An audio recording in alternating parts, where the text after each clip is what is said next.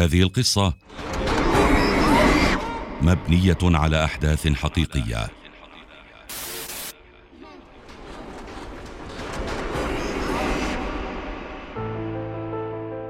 متأرجحون بين حبال التعذيب والسجن. معلقون بين الحياة والنهاية.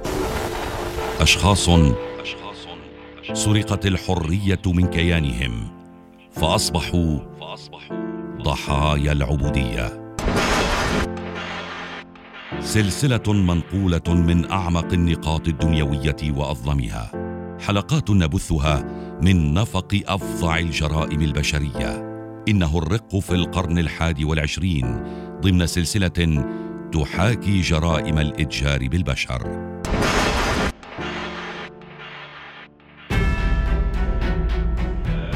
الموقع لبنان. العصابة ميم جيم ومعاونون. الضحايا فتيات سوريات. العملية الدعارة.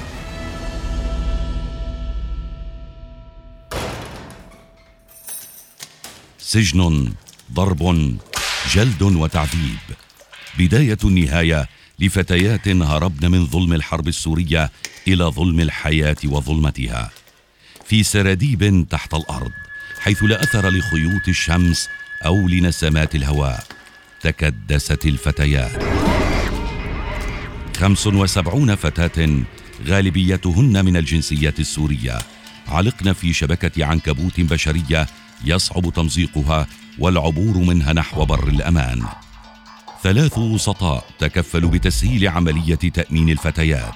رجلان وامرأة أخذوا على عاتقهم تسيير التوظيف من داخل الأراضي السورية. الخطة محبكة لإيهام الجميع. القوى الأمنية والفتيات على حد سواء. فالوهم يتجلى بفرصة عمل في إحدى المطاعم الكبيرة في لبنان. حتى توافق الفتاة وتتحضر للانطلاق برحلة الموت التي تنتظرها في قبو أشبه بالجحيم تحت الأرض فعلا. لا تلبث الفتيات بالوصول حتى يتم سجنهن داخل مبنى وتسلب منهن أوراقهن الثبوتية والهواتف. حراسة أمنية مشددة تطوق مكان مكوث السجينات المعتاد ومساعد رئيس الشبكة يحكم قبضته على تحركات الفتيات. فتلك التي تجتاز الحدود الممنوحة لها تعاقب أشد عقوبة. جلد وتعذيب جسدي. حتى تتلقن الفتاة المخالفة درسها وتلتزم بالقواعد الموضوعة. فقد حدد دوام العمل عشرين ساعة متواصلة من تنفيذ أوامر الزبائن مهما كانت. عدم ارتداء الواقي الذكري متاح للزبون حتى لو أدى ذلك إلى حمل الفتاة. فبالنسبة للحارس والزبون يمون والفتاة من عداد الجوار اللواتي اعتقدن أنهن انقرضن منذ زمن القواعد ثابتة ولا تخترق في القبو البشري ذاك. لا أحاديث بين الفتيات. ممنوع عليهن التكلم مع بعضهن البعض. وبدل إضاعة الوقت في الأحاديث الجانبية على كل واحدة أن تهتم بمظهرها كي تبدو بأبهى حللها لإرضاء الزبائن المتضورين تتم العمليات بسلاسة. غرف مجهزة لإتمام المهمة. النقود تستقر في جيب مساعد الرئيس والفتيات يحملن ثم يجهضن. مئتي عملية إجهاض خلال أربع سنوات من العمل المنظم ولا أثر لأي تحرك أمني يعكر على العصابة استمرارية وحسن سير عملها. فالطبيب المدعو راء عين حاضر برفقة مساعدته الممرضة جيم أليف الإجراء كل عمليات الإجهاض في عيادته في محلة الدكوينة الأمراض الجنسية تنتقل من زبون لفتاة ومن فتاة لزبون آخر وهكذا دواليك حلقة من الأمراض المتناقلة تزيد عليها الأمراض الجلدية التي أصابت الفتيات إثر عدم رؤيتهن الشمس بتاتا. عفونة وقذارة تغطي القبو. ظلم وظلمة. عتمة تجلب في نفوس الفتيات اللواتي لا خيار لهن سوى العمل حتى أنهن مضطرات على الاجتهاد كي تبقين عند حسن ظن الزبون. وإلا العقاب ينتظر كل واحدة من بينهن والضرب والجلد لا ينتهيان حتى تتلبع بشرتهن وتغمق كمصيرهن الداكن. سحر وهو اسم مستعار لإحدى الفتيات المسجونات. قررت أن تعاكس التيار السائد في القبو وألا تخضع لأوامر زبون في إحدى الأيام. وعندما اشتكى هذا الأخير مستاء من الخدمة الرديئة لمساعد الرئيس كان قد حان وقت التأديب. في إحدى غرف التعذيب المعزولة المظلمة تماما لكنا ظننا بأن ما ستتعرض له سحر مقتبس من فيلم سينمائي لكثرة ما هو بعيد عن تصور العقل البشري. حزام من الجلد يسلخ به المساعد جلد سحر عن عظمها. لا يرحم أنفاسها أو صراخها.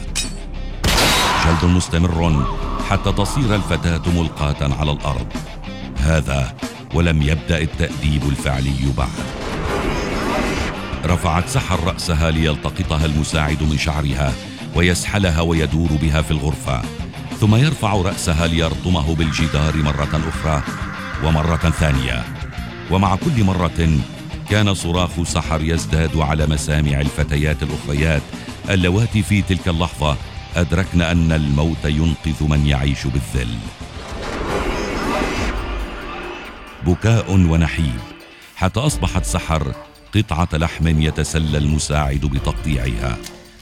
سكين بيده يغرسها في جسد سحر تاره ويسحبها ببطء وتلذذ طورا. دم الفتاة سال حتى شبع سيلا خفت أنفاسها حتى انعدمت وبات جسدا بلا روح ملقا في غرفة لو وضع فيها جرذ لمات فورا. كان البكاء يهيمن على المبنى واختفى.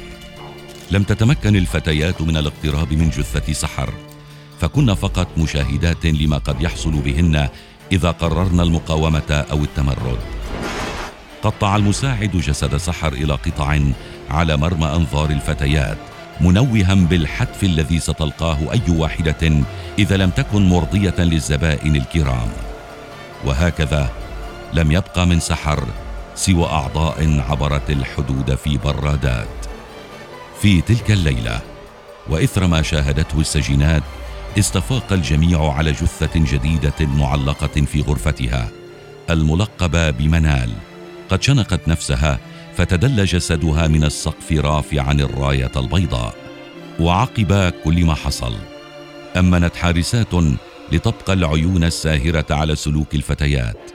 فأي خطأ يسجل على ورقة ويمرر لمساعد الرئيس كي يؤدي الواجب بحق المخالفة. إيهام الفتيات بأن الأمن في لبنان غير مستقر وأن رئيس الشبكة مسيطر على منافذ البلد أرهب السجينات لتصبحن أمام خيارين لا ثالث لهما. التأقلم مع الوضع أو الانتحار؟ الزبائن يتوالون على مدار العشرين ساعة.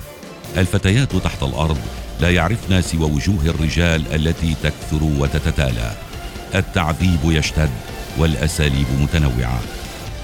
أجساد تلك الفتيات ما عادت تعرف معنى الحياة إذ باتت منهكة مسلوبة الروح ملطخة بقذارة الزبائن أشباه الرجال.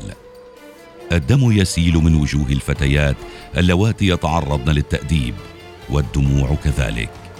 قرار خلق خيار ثالث لم يكن في الحسبان لكن عندما تنتهك جميع حقوق المرء ويصبح جثة باردة متحركة لا تعرف سوى الخضوع وتنفيذ الأوامر كعبد من أيام بدء التاريخ. لا يكون للمرء نفسه شيئا ليخسره. فهو قد خسر ذاته وأصبحت حياته رهينة وحوش كاسرة بهيئة بشر. ما الخيار الثالث ومن أين نبع؟ يوم الجمعة العظيمة تخف وتيرة العمل ومعها يقل عدد الحراس. قررت ثمان فتيات كسر القيود والتحرر من هذا السجن البشري فإما النجاة بأرواحهن للأبد أما الدمار. النهاية فالموت. هاجمت الفتيات الحارسة وأخذن المفتاح للباب الخلفي لمبنى سيلفر ألف خمسة منهن هربن وثلاثة تراجعن نتيجة الخوف. أربعة أكملن الطريق سوية وواحدة اتخذت طريقا آخر بسبب قلة الثقة التي زرعت بينهن. إذ كل فتاة تخشى من الأخرى وجميعهن لا يعرفن مصيرهن. صعدت الفتيات في باص وتوجهن إلى منزل قريب إحداهن في منطقة الحدث. وبعد أن شرحت إحداهن للسائق قصتهن اتصل هذا الأخير بمفرزة استقصاء جبل لبنان التي تسلمت الفتيات واستمعت إلى شهاداتهن ومعاناتهن. المعلومات عن الشبكة قدمت من الناجيات للقوى الأمنية المختصة والخطة منقسمة على يومين من المداهمات. في السابع والعشرين من مارس أذار عام 2016 حصلت مداهمة الملاهي الليلية والشقق التي تستخدم لتشغيل الفتيات. تمت مداهمة مبنى الجحيم والقبو البشري بعد يومين وطورد الرجلين والامرأة المسؤولين عن تأمين الفتيات من سوريا إلى لبنان. لم يحسن الحراس والحارسات من الفرار فوقعوا في قبضة القوى الأمنية أيضا حتى تم تسليم أعضاء الشبكة إلى الأجهزة المختصة. الفتيات اللواتي لم ينتحرن وصمدن حتى يوم المداهمة. سلمن جميعهن إلى جمعيات إنسانية كي تتم متابعتهن عن كثب. فيما بقي عضوان من الشبكة متواريان عن الأنظار. وبالطبع هما الرئيس المدبر ويده اليمنى.